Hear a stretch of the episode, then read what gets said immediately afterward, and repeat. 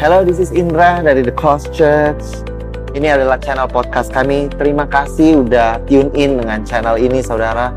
Kami berharap bahwa setiap message kami dapat membukakan lebih siapa Tuhan, saudara, dan Injil kasih karunia dan apa yang Yesus sudah lakukan di kayu salib kiranya membebaskan kehidupan saudara di dalam nama Yesus. Enjoy the message. God bless you.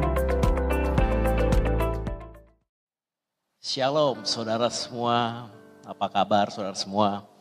Masih di bulan Januari saudara, sebelum terlambat untuk saya berkata selamat tahun baru untuk saudara semua. Saya banyak mendengar dan kita melihat banyak kejadian-kejadian di awal tahun. Ada juga seorang mungkin yang meramalkan bahwa tahun 2021 akan begitu banyak bencana dan yang lain-lain yang menurut saya cukup negatif saudara. Tapi Tuhan bukan berarti mengizinkan kita, saudara, untuk kita bisa tinggal di dalam ketakutan. Tuhan bukan berarti saudara untuk saudara dan saya meskipun meskipun tahun ini mungkin buruk atau bahkan tahun ini mungkin juga baik saudara. Bukan itu maksud Tuhan. Tuhan gak membuat tahun ini baik dan Tuhan gak membuat tahun ini buruk. Tapi saudara Tuhan membuat saya dan saudara aman. Tuhan membuat saya dan saudara beroleh damai sejahtera. Ketika kita mendengar lagu tadi saudara.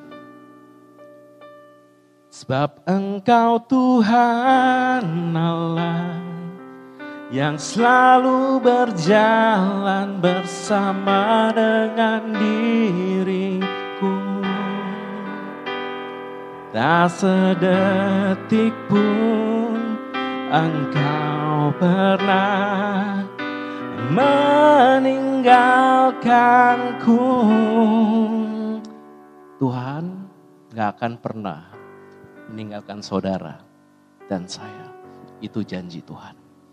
Saya berdoa, mau seperti apa pun tahun ini saudara, Tuhan tidak akan meninggalkan saudara.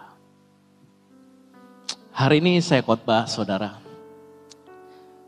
Judul khotbah saya adalah No Give is Too Big. Hari ini saya akan berkhotbah, tentang bagaimana cara kita memberi. Hari ini saya akan berkhotbah bagaimana kita bisa memberi, seperti apa memberi yang terbaik di mata Tuhan, saudara. Mari kita baca di Markus 12 ayat 41 sampai 44. Boleh ditampilkan slide show-nya. Pada suatu kali Yesus duduk menghadapi peti persembahan dan memperhatikan bagaimana orang banyak memasukkan uang ke dalam peti itu. Banyak orang kaya memberi jumlah yang besar. Lalu datanglah seorang janda yang miskin dan ia memasukkan dua peser, yaitu satu duit. Maka dipanggilnya murid-muridnya dan berkata kepada mereka, Aku berkata kepadamu, sesungguhnya Janda miskin ini memberi lebih banyak daripada semua orang yang memasukkan uang ke dalam peti persembahan. Sebab mereka semua memberi dari kelimpahannya, tetapi janda ini memberi dari kekurangannya. Semua yang ada padanya yaitu seluruh nafkahnya. Garis bawahi di ayat sebelumnya saudara. Garis bawahi pada suatu kali Yesus duduk menghadap peti. Jadi pada saat itu mereka ada di bayat Allah. Dan Yesus berdiri di depan peti. Dia melihat, memperhatikan satu-satu orang. Orang-orang ini memasukkan persembahannya. Mereka berbaris dan mereka mempersembahkan uang mereka di dalam peti persembahan. Dapat Anda bayangkan saudara, dapat Anda bayangkan Yesus pada saat itu sudah mempunyai banyak pengikut. Yesus pada saat itu sudah melakukan banyak mukjizat. Yesus pada saat itu sudah memberi makan 5000 orang. Yesus pada saat itu sudah mengajar banyak hal. Yesus pada saat itu sudah dielu-elukan di Yerusalem. Yesus sudah menjadi orang yang terkenal pada saat itu. Ada yang menganggapnya sebagai nabi, ada yang menganggapnya sebagai Mesias, ada yang menganggapnya sebagai guru besar. Tapi yang jelas Yesus pada saat itu sudah dihormati banyak orang. Lalu Yesus, saya nggak tahu sengaja atau enggak, dia berdiri di depan peti persembahan Dia duduk menghadap peti persembahan, lalu dia memperhatikan orang. Bagaimana banyak orang memasukkan uang, saudara, koin. Dapatkah Anda bayangkan, saudara? Dapatkah Anda bayangkan? Pendeta saudara, atau pemimpin saudara, atau orang yang saudara hormati, ketika saudara ingin memasukkan persembahan, dia berdiri di depan saudara dan melihat, memperhatikan bagaimana saudara memasukkan uang saudara. Oh my God, Jesus, seriously? Apa yang Anda lakukan ketika ada Yesus? Apa yang akan saudara lakukan? Atau bagaimana perasaan saudara ketika saudara ingin memasukkan uang saudara ke peti persembahan? Atau zaman sekarang pakai QR code saudara. Yesus ada di samping saudara dan dia lihat. Mungkin saudara malu sehingga akhirnya mungkin kasih yang terbaik. But seriously, saya bertanya, Tuhan Mengapa engkau melakukan ini? Apakah Yesus ingin mengetahui berapa banyak uang yang kau berikan? Perhatikan ayat dengan uh, perhatikan dengan seksama ayat yang tadi kita baca, Saudara. Pada suatu kali Yesus duduk menghadap peti persembahan dan memperhatikan bagaimana. Di situ tidak tertulis Tuhan memperhatikan berapa banyak yang kau berikan. Di situ tertulis Tuhan melihat bagaimana orang banyak memasukkan uang. Pelajaran pertama hari ini saudara. Bukan berapa banyak kita memberi. Tapi bagaimana kita memberi. Izinkan saya untuk menjelaskan ini dengan sebuah cerita. Saya ada punya cerita yang membuat saya tersentuh saudara. Jadi waktu itu saya menikah, kami mengadakan pesta pernikahan of course dengan istri saya, saudara, dan hari yang melelahkan, saudara, dari pagi sampai malam, lalu akhirnya tibalah di ujung acara dan kami kembali ke hotel, saudara membawa membawa uh, membawa sebuah box yang besar, koper dan lain-lain, saudara. Dan saya udah nggak sabar untuk melakukan sesuatu, saudara. Dan saudara tahu hal apa yang paling ditunggu-tunggu di malam pertama, saudara? Hitung uang angpau, saudara. Seperti yang tradisi-tradisi lainnya, saudara. Saya bisa tahu, saudara kalau uh, saudara kasih angpau di pesta pernikahan, pasti dinomorin saudara. Jadi saya bisa tahu, wow orang ini, si ini kasihnya segini. Wow si itu kasihnya segini. Si itu kasih segini, si wah ini gede banget. Ketahuan semua saudara. Tapi ada satu orang saudara, ada satu orang yang membuat saya tersentuh saudara. Saya dan istri saya mengundang penjaga gereja, satpam gereja dan juga pesuruh gereja, orang yang sapu gereja, orang yang juga sebagai satpam juga, saudara. Mengundang dia dari uh, gereja dari istri saya yang lama, saudara. Maksudnya gerejanya yang lama, oke? Dan jumlah yang diberikan, menurut kami berdua adalah sangat besar untuk porsi dia. Tapi mungkin pemberian pemberian dia kecil bagi yang lain. Saya nggak hafal, saudara, siapa aja yang kasih angpau besar. Saya nggak hafal. Oh, hafal sih, ada satu orang saudara. Satu orang ini saya ingat benar, saudara dia kasih angpau begitu besar saudara. Dan kita bersyukur saudara, kita mempunyai seorang senior pastor yang begitu generous. Setiap orang yang dekat dengan dia pasti tahu senior pastor kita, Pastor Indralim adalah orang yang sangat generous, saudara. Tapi saya juga ingat, saudara. Tapi saya juga ingat penjaga gereja ini. Dia memberi dari kekurangan. Dia memberi yang mungkin bagi kita kecil. Tapi saya lihat hatinya, saya tidak akan lupakan penjaga penjaga gereja ini seumur hidup saya, saudara. Lanjut ke janda ini, saudara. Ke ayat 42 kita bisa baca, saudara. Lalu datanglah seorang janda yang miskin dan ia memasukkan dua peser yaitu satu duit, saudara. Satu duit kalau kita hitung dengan skala ekonomi sekarang adalah gaji untuk 6 menit kerja saudara. Kalau misalnya kita rata-rata, jumlah average aja saudara, kita ambil gaji misalnya 10 juta saudara di Indonesia misalnya. Untuk 6 menit kerja, untuk satu hari kerja di 6 menit doang saudara, janda ini memberi, uh, memberi satu duit itu senilai 5.600 rupiah saudara. 5.600 rupiah. Maka dipanggilnya murid-murid. Dan berkata kepada mereka, aku berkata kepadamu, sesungguhnya janda miskin ini memberi lebih banyak daripada semua orang yang memasukkan uang ke dalam peti persembahan.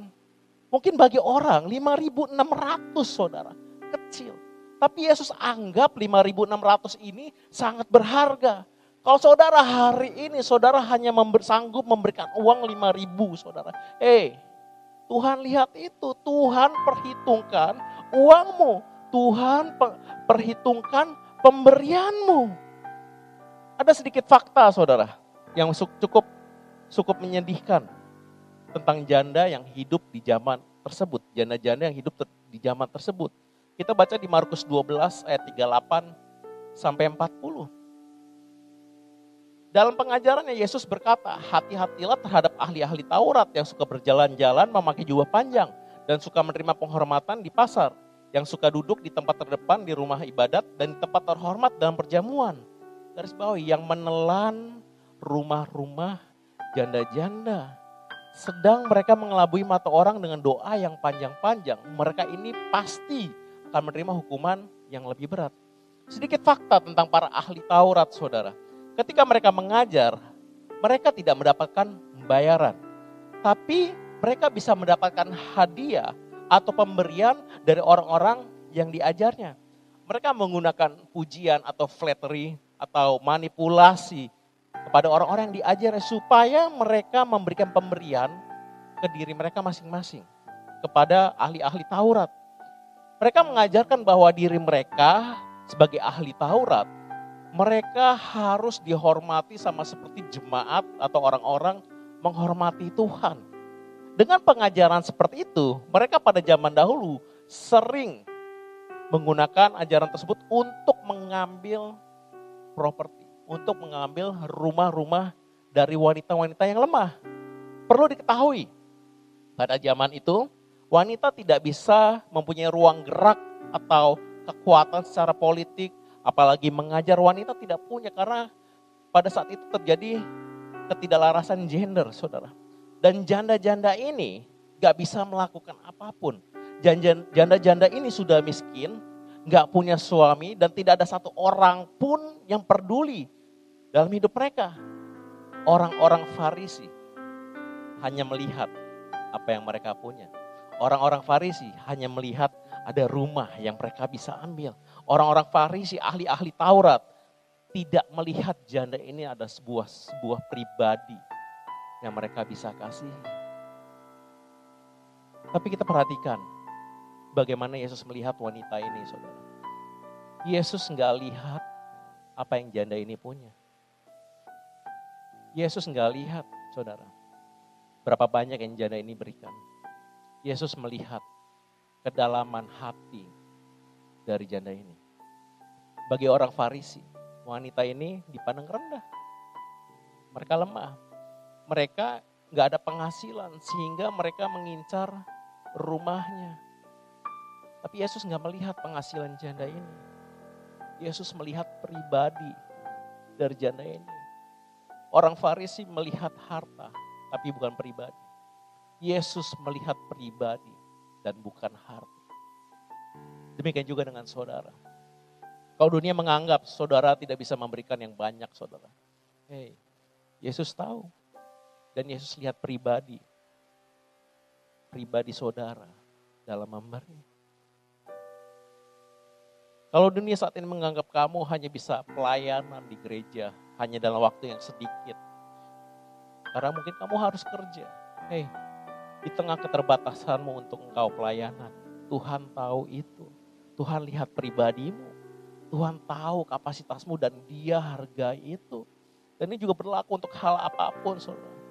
Kalau, du, kalau dunia menganggap saudara bukanlah ayah yang baik dalam memberi waktu main dengan dengan anak Anda. Karena Anda mungkin sibuk mencari nafkah. Tuhan hargai waktu mainmu dengan anakmu yang sedikit. Mungkin saudara cuma bisa main satu jam dengan anak orang lain itu bapaknya kok kayak kurang kurang perhatian eh tapi Tuhan lihat di tengah kerja keras kau menjadikan waktu yang mungkin sedikit bagi orang lain tapi Tuhan lihat itu dan Tuhan pakai itu Tuhan hargai itu kau dunia saat ini menganggap kamu hanya sebagai Kamu hanya bisa mendidik anakmu dengan segala keterbatasanmu. Kau tidak punya ilmu parenting yang canggih. Tapi Tuhan lihat keterbatasanmu. Tuhan lihat limitation dalam diri kita dan Tuhan hargai itu dan Tuhan berkati itu saudara. Ketika engkau sudah bekerja keras dalam usaha bisnismu, tapi engkau hanya bisa menghasilkan income yang sedikit saudara. Untuk keluargamu, Mungkin banyak orang melihat bisnismu tidak berhasil. Kau tidak, kau, kau tidak jago, kau bukan orang kaya. Eh, tapi Tuhan lihat kerja kerasmu. Dan Tuhan hargai itu. Ada satu orang, saudara, tetangga saya, saudara. Hidupnya sangat sederhana, mobilnya sederhana. Teman main sepeda saya bareng, saudara. Sepeda juga sederhana, saudara Mungkin banyak orang mengira bahwa orang ini sederhana, orang ini nggak bisa beli sepeda atau mobil yang bagus, saudara, rumah yang bagus. Tapi kemarin saya ada satu yang membuat saya tersentuh, saudara. Ternyata dia mengkuliahi uh, keponakannya, seseorang yang mungkin bukan bukan bukan kewajiban dia untuk untuk mengkuliahi, tapi dia tapi dia mengkuliahi di tengah segala keterbatasan. Dia meng, dia mengkuliahi, saudara. Hei saudara, dunia melihat apa yang kelihatan. Tuhan melihat kedalaman hati saudara.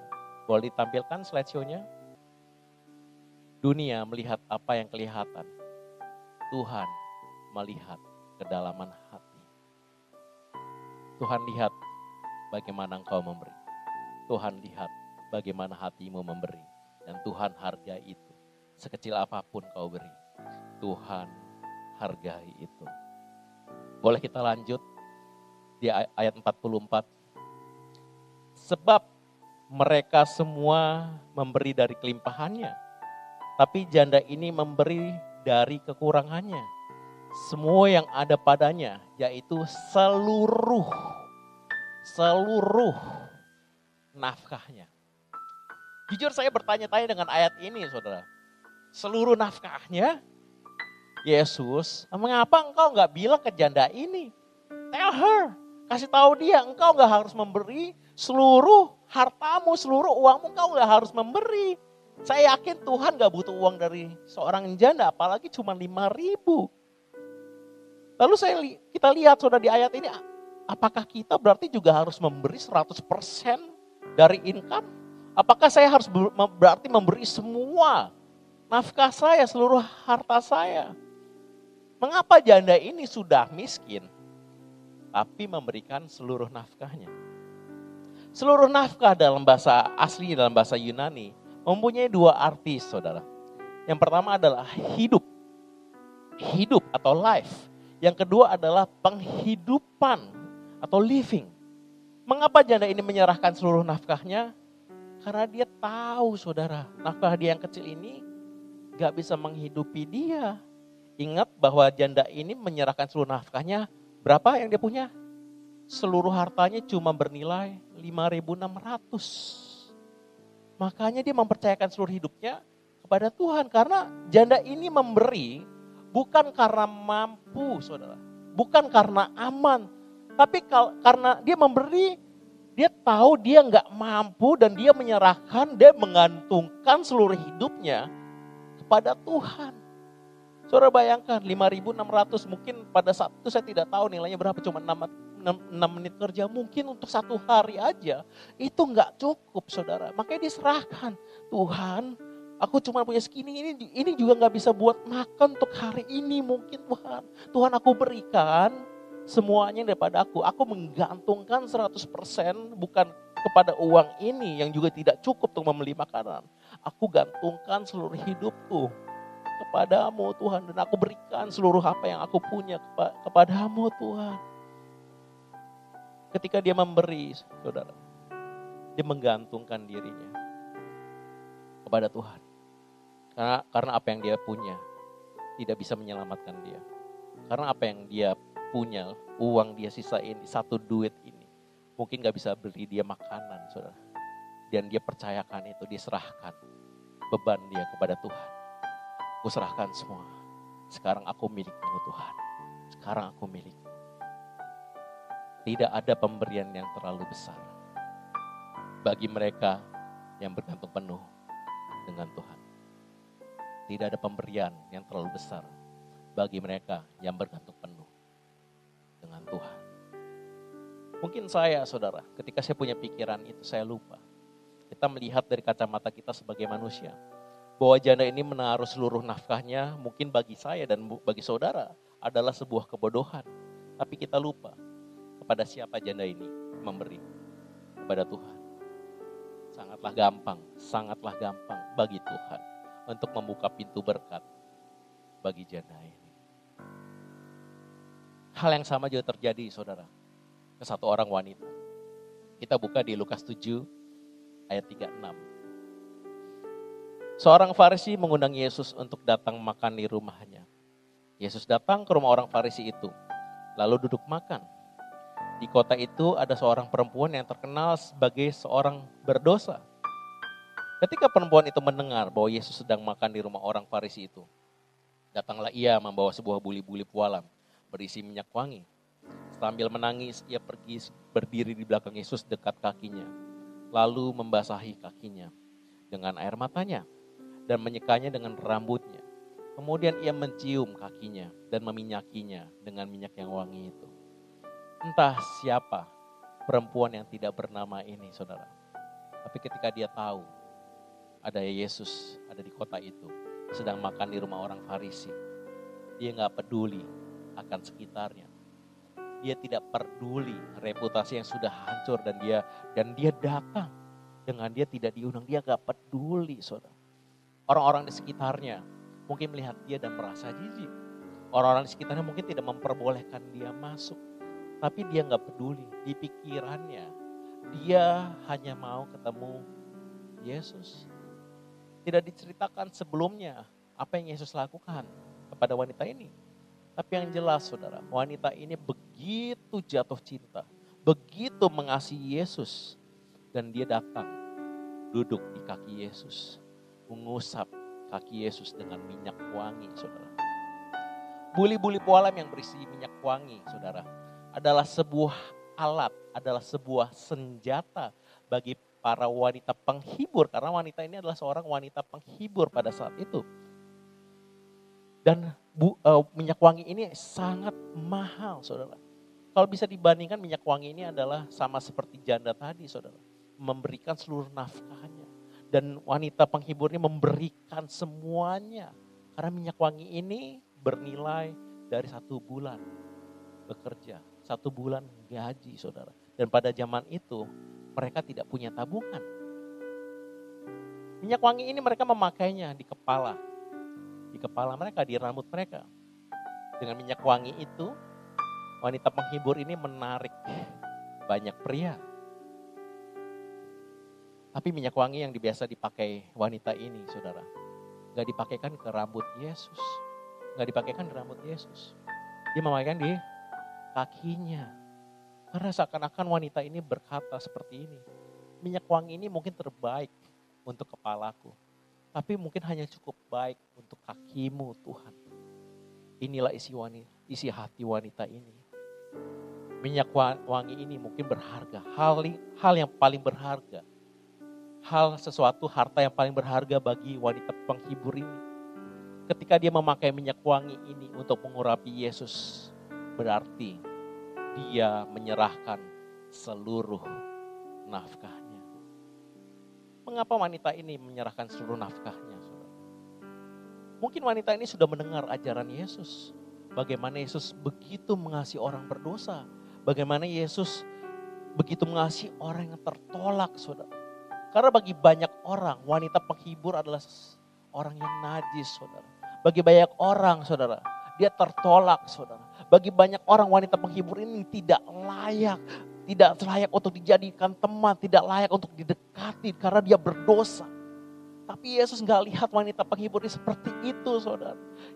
Yesus adalah teman bagi para pendosa dan Yesus nggak lihat dosa dari wanita ini. Yesus tidak menolak ketika dia wanita ini datang. Yesus tidak menolak dan tidak mengusir wanita ini. Dan dia izinkan wanita ini duduk di bawah kakinya. Yesus terima wanita ini dan Yesus mengasihi wanita ini. That's why. That's why wanita ini ingin begitu mengorbankan seluruh hartanya yang paling berharga. Demikian juga dengan kamu, demikian juga dengan saudara. Saudara hari ini mungkin bagi banyak orang, bagi dunia saudara pendosa. Mungkin hari ini kamu gay, Mungkin hari ini kamu biseksual atau apa pun itu kelainan seksual. Tuhan terima kamu apa adanya. Tuhan tidak lihat dosa kamu dan Tuhan izinkan kamu untuk kau bisa datang apa adanya kamu. Mungkin hari ini kamu penzina.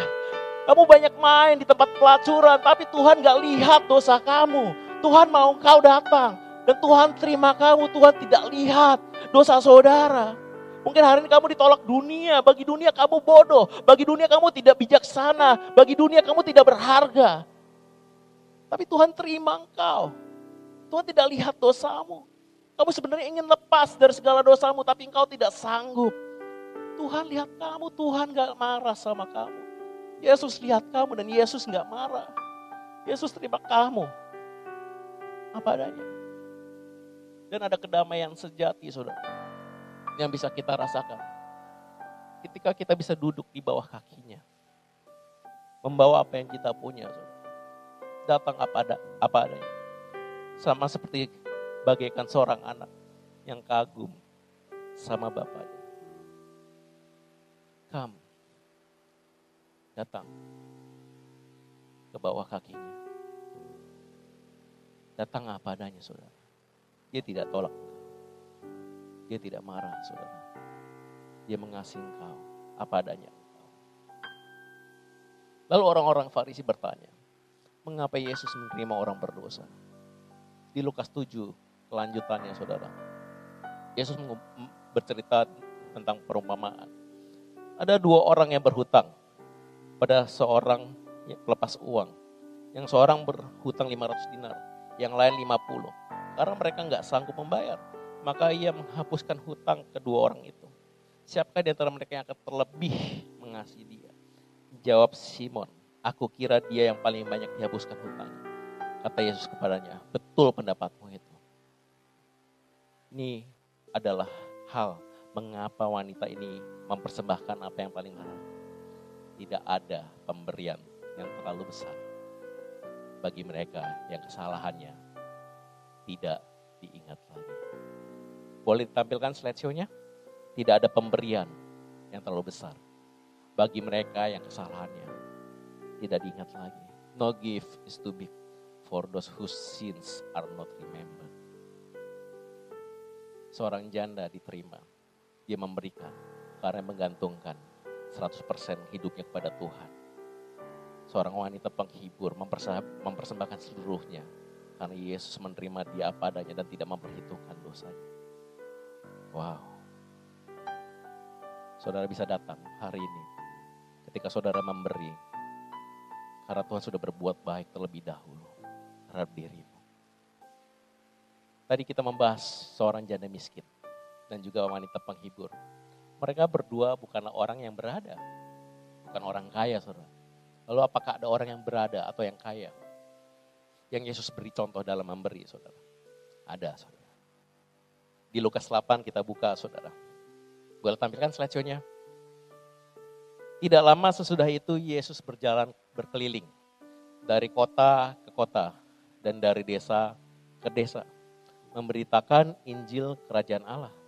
Kedua belas muridnya bersama-sama dengan dia dan juga beberapa orang perempuan yang telah disembuhkan dari roh-roh jahat atau berbagai penyakit, yaitu Maria yang disebut Magdalena, yang telah dibebaskan garis bawah ini, dari tujuh roh jahat. Yohana istri Kusa, bendahara Herodes, Susana, dan banyak perempuan lain. Perempuan-perempuan ini melayani rombongan itu dengan kekayaan mereka.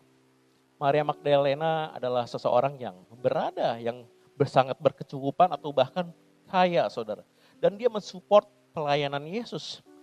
Dengan kekayaannya, dia mengikuti Yesus dan aktif dalam pelayanan Yesus dia pergi dari kota ke kota bersama dengan Yesus dan murid-murid yang lain. Dan dia mensupport Yesus dengan kekayaannya. Mengapa dia mengikuti Yesus, saudara? Perhatikan. Maria yang disebut Magdalena ayat tadi, saudara. Telah dibebaskan dari tujuh roh jahat. Jadi Maria pada saat itu adalah orang kaya. Tapi sayang saudara, tapi sayang saudara, ada tujuh roh jahat di dalam Maria Magdalena saudara. Apa tujuh roh jahat di dalam di dalam Maria? Para scholar mengatakan mereka uh, memberikan komentari, saudara. Mereka percaya ada beberapa versi di sini, saudara. Ada yang mengatakan ada setan di dalam diri dalam diri Maria. Ada roh jahat. Secara literally berarti roh jahat juga ada setan, saudara, dalam dalam diri Maria. Ada yang mengatakan bahwa ada tujuh roh jahat itu menggambarkan seven deadly sins. Tujuh roh yang paling mematikan. Yang sering nonton anime pasti tahu, pasti apal, saudara. Last, hawa nafsu, saudara gluttony, greed, sloth, wrath, and envy, pride, saudara. Ada tujuh roh jahat di dan di Alkitab dicatat itu, saudara. Mungkin dua-duanya benar, saudara. Mungkin dua-duanya benar, karena dalam bahasa asli kata jahat, kata jahat dalam rootnya itu berarti adalah great trouble, masalah besar atau pain, kesakitan, ada kesakitan dalam diri Maria Magdalena, ada masalah yang begitu besar yang tidak bisa diselesaikan, saudara, dalam tubuh Maria. Mungkin saat itu Maria adalah orang yang berdosa. Dia mempunyai tujuh lengkap, tujuh, tujuh tujuhnya jahat, dia punya semua saudara. Dia berdosa, uh, hawa nafsu iya, serakah iya, malas iya, semua mungkin dosa iya punya saudara. Mungkin saat itu Maria juga orang yang sakit secara secara fisik ada ada sebuah penyakit yang tidak bisa hilang. Mungkin saat itu Maria mengalami depresi. Mental health-nya tidak baik, saudara. Mungkin pada saat itu Maria mengalami stres. Dia nggak bisa tidur dengan nyenyak. Maria pada saat itu yang jelas mengalami kesakitan. Tidurnya nggak nyenyak. Dan yang paling menyedihkan, saudara, yang paling menyedihkan. Uang yang dia punya tidak bisa menyembuhkannya. Dan yang menyedihkan, kekayaan yang Maria miliki tidak bisa menjawab, tidak bisa menyembuhkan apa yang ada di dalam dirinya. Dia tidak bisa tidur nyenyak dengan dengan nyenyak setiap hari. Dia stres setiap hari. Dia tidak bisa merasakan damai setiap hari. Until one day. Yesus datang. Menyembuhkannya. Udah gak ada lagi tujuh roh jahat. Sekarang dia bisa tidur dengan nyenyak. Udah gak ada kesakitan. Hidupnya berubah karena Yesus. Hidupnya berubah bukan karena kekayaan yang dimiliki Maria. Demikian juga dengan kita, saudara. Ada momen di mana kekayaan kita tidak bisa mengubah keadaan. Ada momen di mana kekayaan uang yang kita miliki, saudara, tidak bisa menyembuhkan kita. Kekayaan tidak bisa mengobati depresi. Mungkin hari ini kamu yang sedang depresi, kamu punya banyak uang. Tapi sayang, kekayaanmu tidak bisa membuat depresi itu hilang. Kekayaan kita tidak bisa mengobati penyakit kita. Dokter tidak bisa mengobati penyakit kita. Mungkin kau sudah difonis dokter, aku aku angkat tangan. In the name of Jesus I pray. Be healed and walk again. Sembuh dan jalanlah lagi.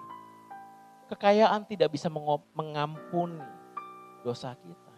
Kekayaan mungkin tidak bisa membuat tidur kita dengan nyenyak saudara tapi ada satu pribadi yang bisa mengobati itu semua, di mana kekayaan tidak bisa mengobati itu. His name is Jesus. Saudara. Hari ini saya ingin berdoa. Ada orang yang kau baru mendengar tentang Yesus hari ini. Engkau depresi. Engkau bipolar. Engkau tidak bisa tidur.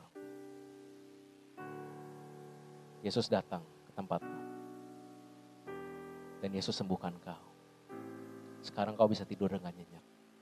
Sekarang ada kedamaian yang sejati yang kau bisa rasakan. Untuk engkau yang hari ini, kau mengalami gangguan secara mental, kau mengalami depresi, saya ingin berdoa untuk engkau. Aku berdoa Tuhan, untuk setiap orang yang menonton video ini Tuhan. Orang-orang yang mengalami depresi, orang-orang yang mengalami ketidakdamaian, mereka yang tidak bisa tidur Tuhan, mereka yang tertolak Tuhan, karena mungkin kekayaan tidak bisa bisa mengobati. Tapi aku berdoa Tuhan. Kau yang datang Tuhan. Kau yang datang dalam hidup mereka Tuhan. Kau tunjukkan kasih-Mu. Kau terima mereka apa adanya Tuhan. Because you love them Lord. In the name of Jesus, I pray for you. That's why saudara. Maria memakai kekayaannya untuk pelayanan Yesus dan murid-muridnya. Dia memakai seluruh kekayaannya saudara. Karena tidak ada pemberian yang terlalu besar bagi mereka yang diubahkan hidupnya. Tidak ada pemberian terlalu besar bagi mereka yang diubahkan hidupnya. Kalau kita simpulkan saudara, dari tiga karakter ini. Ternyata memberi bukan bicara jumlah. Memberi itu bukan bicara kemampuan untuk memberi. Tapi memberi itu bicara tentang menerima, saudara. Remember this, saudara. Kemampuan kita memberi didasarkan kemampuan kita menerima seberapa besar apa yang Tuhan sudah dan akan berikan. Saya ulangi sekali lagi. Kemampuan kita memberi didasarkan kemampuan kita menerima, percaya, beriman. Seberapa besar apa yang Tuhan sudah berikan dan akan berikan untuk saudara. Saudara hari ini memberi lebih banyak. Banyak banyak banyak orang yang berkata, oh latihan memberi bulan ini segini, bulan depan dua kali lipat. Makin banyak memberi saudara. Tapi hati kita jujur saudara. Hati kita cuma hanya akan praktikal doang. Hanya teknikal doang. Kita tidak tahu bagaimana kita bisa memberi dengan sukacita. Saudara ingin memberi dengan sukacita, saudara sadari apa yang Tuhan sudah berikan. Sadari bagaimana engkau, bagaimana Tuhan sudah membawa engkau sampai di titik ini, saudara. Karena saya tutup dengan satu statement ini. Tidak ada pemberian yang terlalu besar bagi mereka yang sudah menerima terlalu besar. Dan pemberian apa yang terlalu besar untuk hidupmu? Karya salibnya. Ketika dia mati di kayu salib ada hadiah yang terlalu besar. Hadiah yang sebenarnya tidak layak untuk kita berikan. Hadiah yang tidak layak itu menghapus dosa kita. Hadiah yang terlalu besar itu saudara. Membuat hidup kita damai sejahtera. Apa hadiah itu? Kematian Yesus di kayu salib untuk engkau. Sebuah hadiah yang tidak layak kita terima. Tapi hari ini kita terima saudara supaya kita bisa hidup dengan damai sejahtera. Saudara ingin banyak memberi, saudara. Belajar untuk menerima. Belajar untuk menyadari betapa besar kasih Tuhan, betapa lebar, betapa dalamnya kasihnya untuk engkau. Belajar bagaimana sebenarnya Yesus menerima engkau apa adanya, bukan ada apanya, saudara.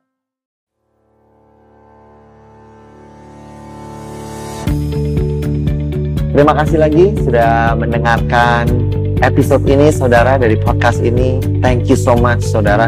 Saya berharap bahwa Injil kasih karunia dan apa yang Yesus sudah lakukan bisa membebaskan kehidupanmu saudara.